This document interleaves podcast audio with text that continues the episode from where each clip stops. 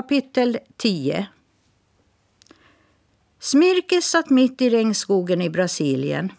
Han hade just sänt iväg sin rapport när han hörde en röst som pratade tomtiska. Den sa Kom och ät prepplor, kom och ät prepplor. Rösten hördes en här och en där och Smirke försökte se vem det var som pratade.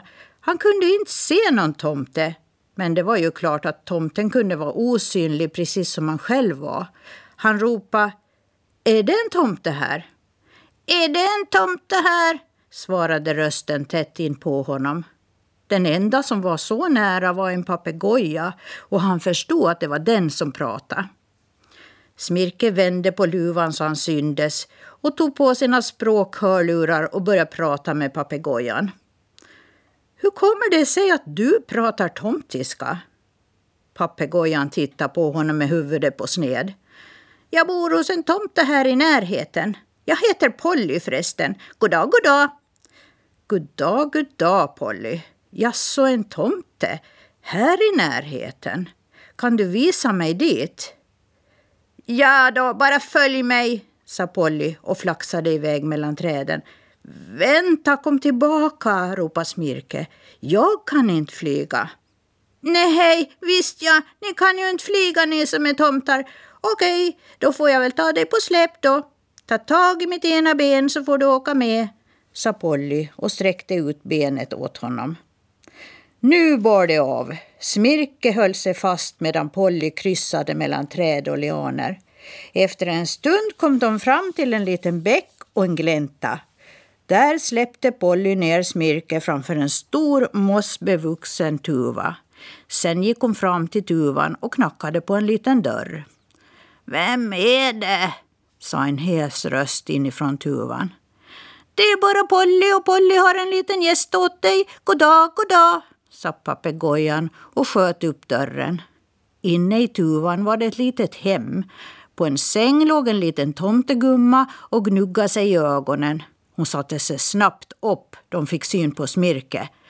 Men vad i hela hastigheten har du hittat? utbrast hon. En tomtenisse?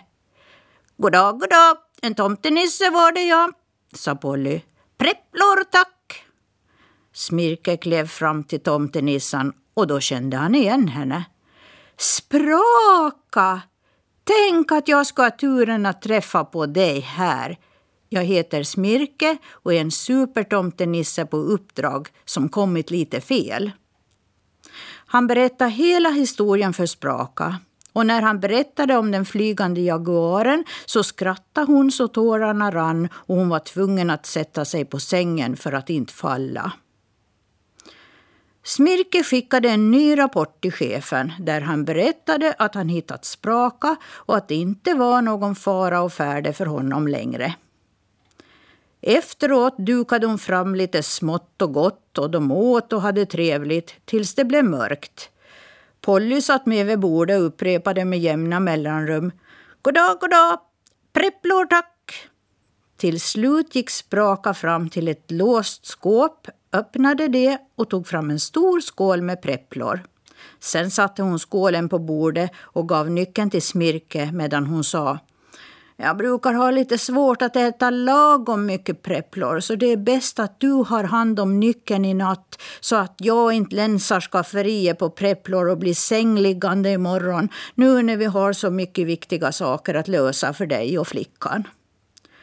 Smirke tyckte att prepplorna var de godaste han ätit och frågade var de kom ifrån.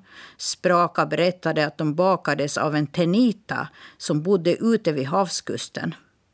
Vad är en ternita? frågade Smirke. Det är en varelse som är både elva och troll, förklarade Spraka.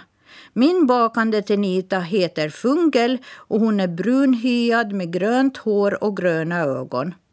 Hennes make heter Suse och han fiskar små räkor som de använder i prepplorna. De är berömda för sina goda prepplor så det gäller att lägga in beställning i god tid om man ska få några. Spraka bäddade i ett hörn åt Smirke.